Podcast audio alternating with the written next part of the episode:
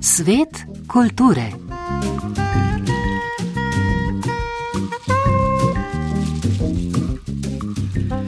Na predvečer prve obletnice ruskega napada na Ukrajino je v pomniku miru na Cerju potekal pogovor z mladim ukrajinskim pisateljem Markom Livinom, ki ga je vodila predsednica slovenskega pena Tanja Tuma, mi pa se mu bomo posvetili danes.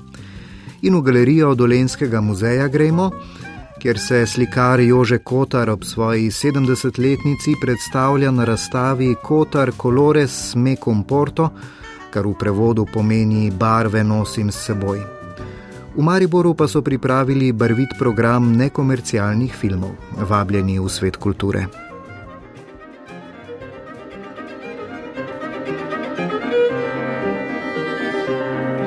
Ukrajinski avtor Mark Livin je podpisan pod leposlovna dela, piše tudi strokovne knjige o psihologiji, je predavatelj in strokovnjak z področja medijev.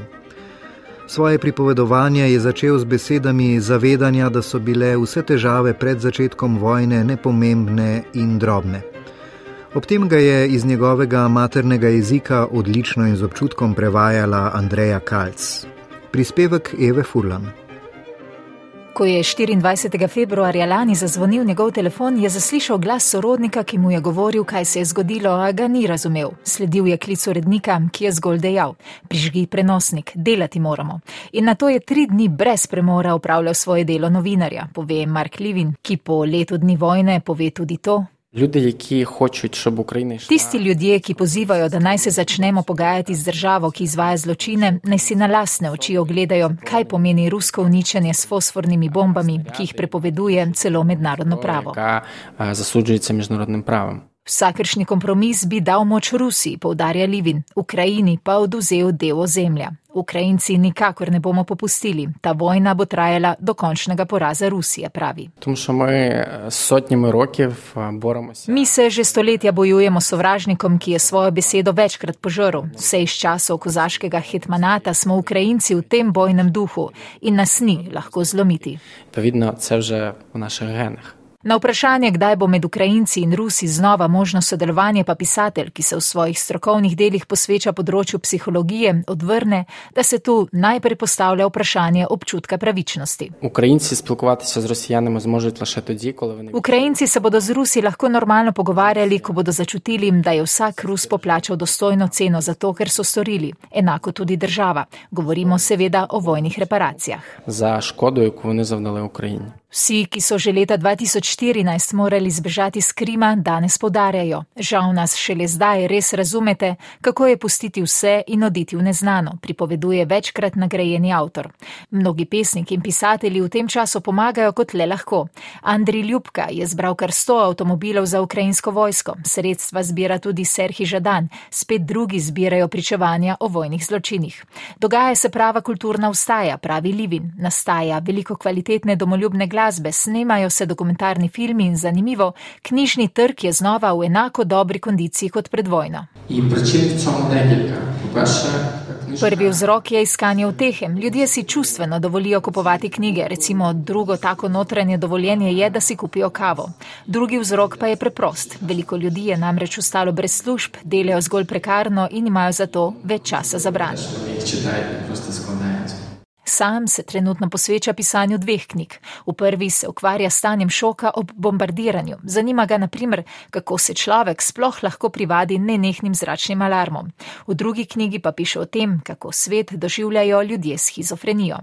In ko bo vojne konec, česa si najbolj želi. Njegov odgovor je, da bi Ukrajina postala članica evropske družine in živela svobodno v demokraciji. Je smišno, holodno pivo, ukrajinsko, ukrajinsko. In če se lahko na tem mestu še malce pošalim, želim si, da bi popil dobro, hladno pivo na osvobojenem Krimu, še doda Mark Livin. Na Društvu slovenskih pisateljev pa so ob prvi obletnici vojne v Ukrajini pripravili branje za mir. Ob 18. uri bo zazvenela pesnitev Gluha republika Ilije Kaminskega. Ta, kot so zapisali, ni za prizore zasedenega mesta Vasenke, potem ko vojaški častnik pred očmi vseh ustreli gluhega otroka. Meščani so odtlej gluhi in nemi za vsak stik z vojaki, hkrati se med njimi krepi podtalni upor. Prevod in izbor pesmi je pripravil Zdravko Duša, brali pa bodo Mojka Končar, Staša Popovič, Jan Slapar, Filip Štepec ter študentke in študenti AGRFT-ja. V galeriji Dolenskega muzeja v Novem mestu bodo ob 19. odprli razstavo del slikarja Jožeta Kotarja z naslovom Kotar Colores me comporto, torej barve nosim s seboj. Pregledno razstavo so pripravili ob umetnikovi 70-letnici in 50-letnici njegovih prvih javnih razstav. Prispevek je pripravil Jože Žura.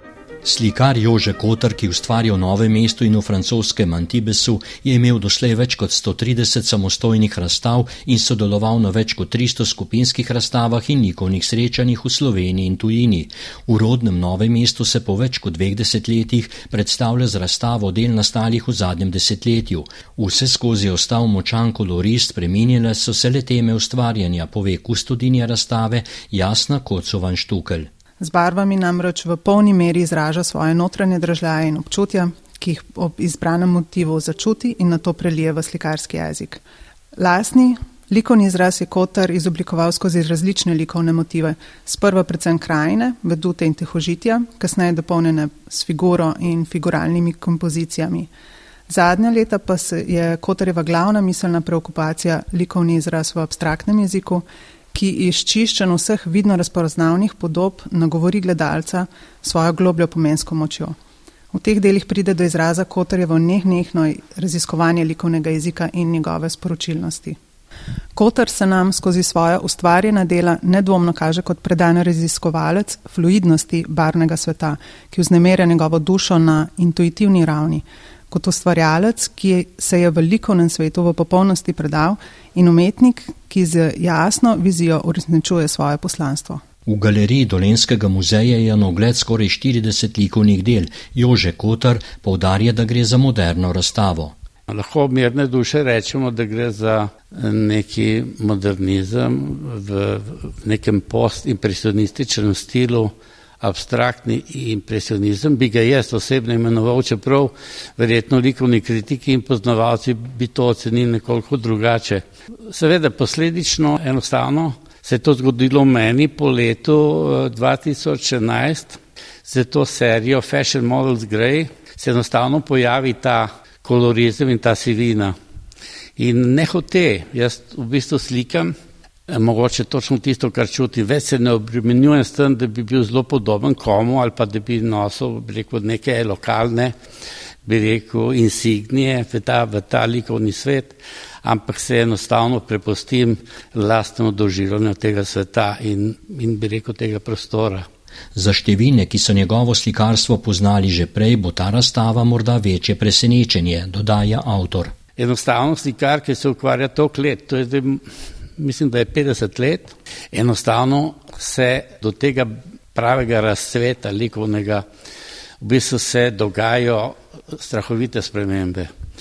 In najlepše, kadar slikar enostavno več ne razmišlja, kaj bo naredil, da bo ljudem všeč, temveč kako, da bo v bistvu ta njegova izpovednost močna, da bo v bistvu znal reprezentirati v bistvu svoje lastne občutke. Razstava del slikarja Jožeta Kotarja bo v Dolenskem muzeju na ogled do 3. septembra. V Atri ZRC Sazu v Ljubljani pa vabi razstava Artizas, torej umetnost smo mi. Primere dobrih praks uporabe umetnosti in ustvarjalnosti za povezovalno moč skupnosti bodo predstavili partnerji iz Slovenije, Nemčije, Grčije in Italije. Na ogled bodo dela virtualne umetniške rezidence ukrajinskih umetnic, ki so pod izjemno težkimi pogoji v Ukrajini ustvarjale prav za današnji dan z namenom, da pokažejo na izjemen pomen kulture, umetnosti in ustvarjanja tudi v času vojne. Z glasbo sirskega umetnika Alija Ertahe se bodo poklonili tudi krizi ob potresu v Turčiji in Siriji, predstavili pa bodo še projekte sodelovanja med migranti in centrom Rok z Venezuelko in Kazahstanko.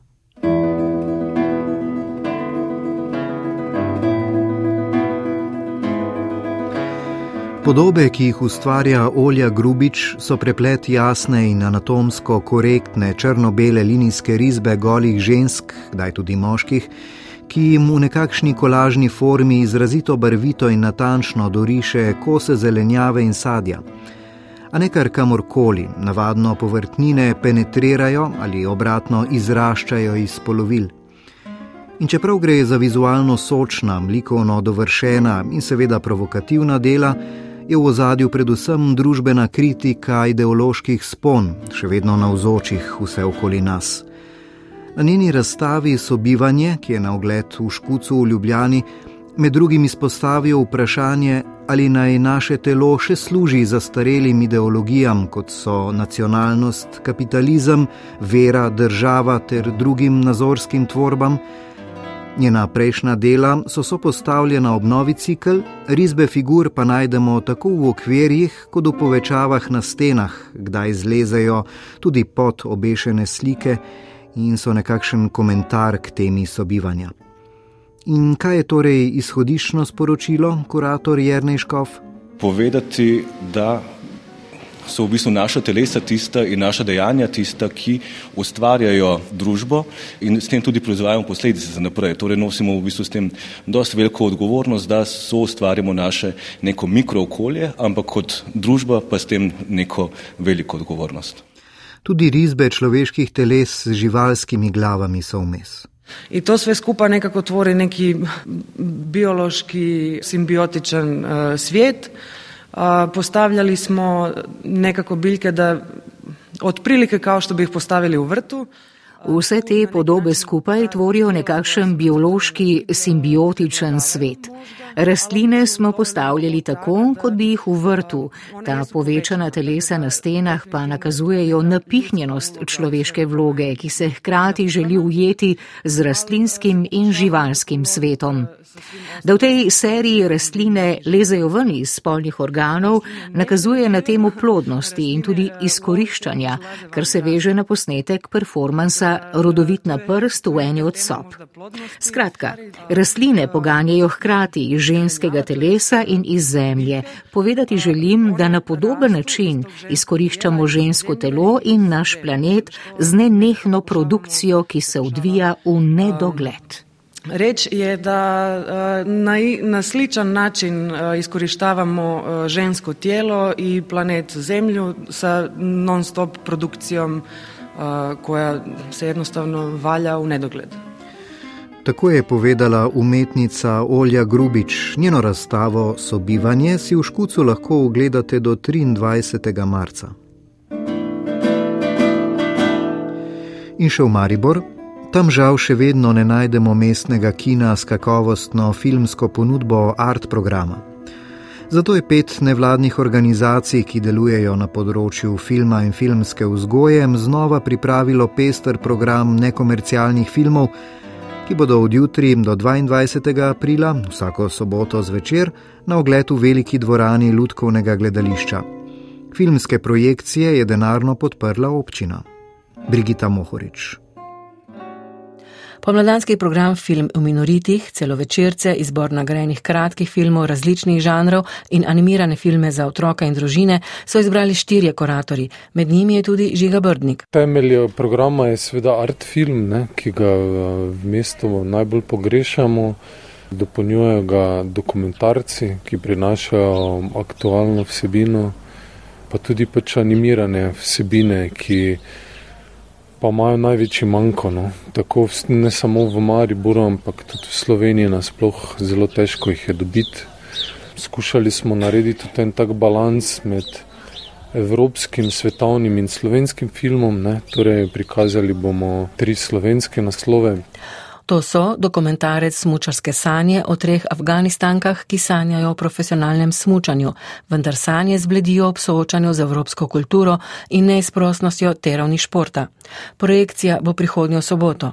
Druga filma slovenske produkcije sta Jezdeca, režiserja Dominika Menceja in eksperimentalni celovečerec pošvedrani klavir Mihe Vipotnika.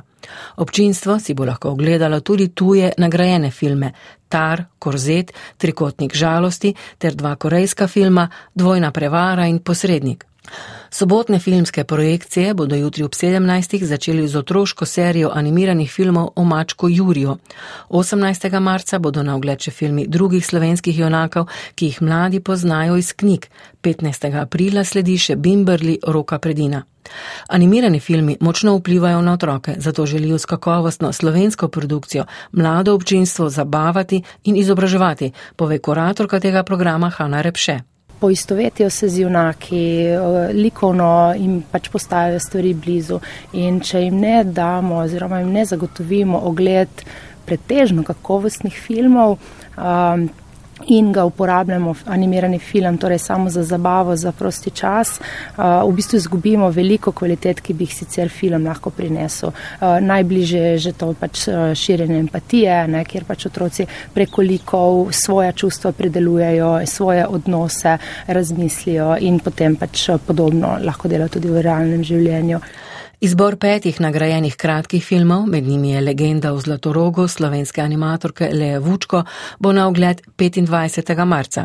S kakovostno filmsko produkcijo različnih žanrov, ki jo pripravljajo že četrto leto, nagovarjajo zahtevnejše občinstvo, dodaja kuratorka Maja Malus Aždari. Cel naš program ponuja začetek mestnega kina v mestu Maribor in eh, v bistvu to vrstne vsebine so uh, v Mariboru pač jih ni možno videti, ker uh, imamo pač uh, komercialne vsebine bolj, tako da to je sigurno bolj za razmišljujoče posameznike in nujno, da pač na ta način skupaj rastemo.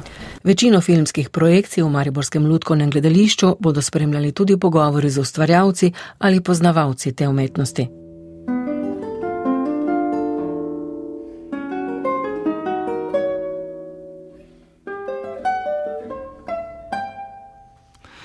Pa še tale filmska, ki nas upravičeno navdaja tudi z upanjem. Nocoj bo v Parizu podelitev filmskih nagrad Cezar.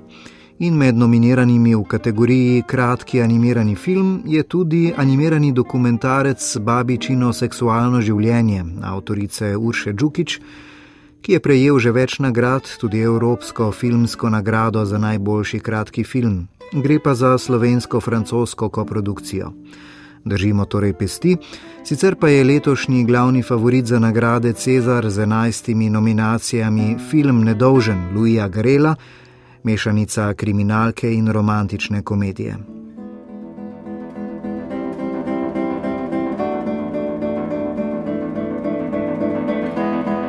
Sklenili smo še zadnji svet kulture v tem tednu, uredil in vodil sem ga Žiga Bratoš, zvoku se je posvetila Klara Autorepec.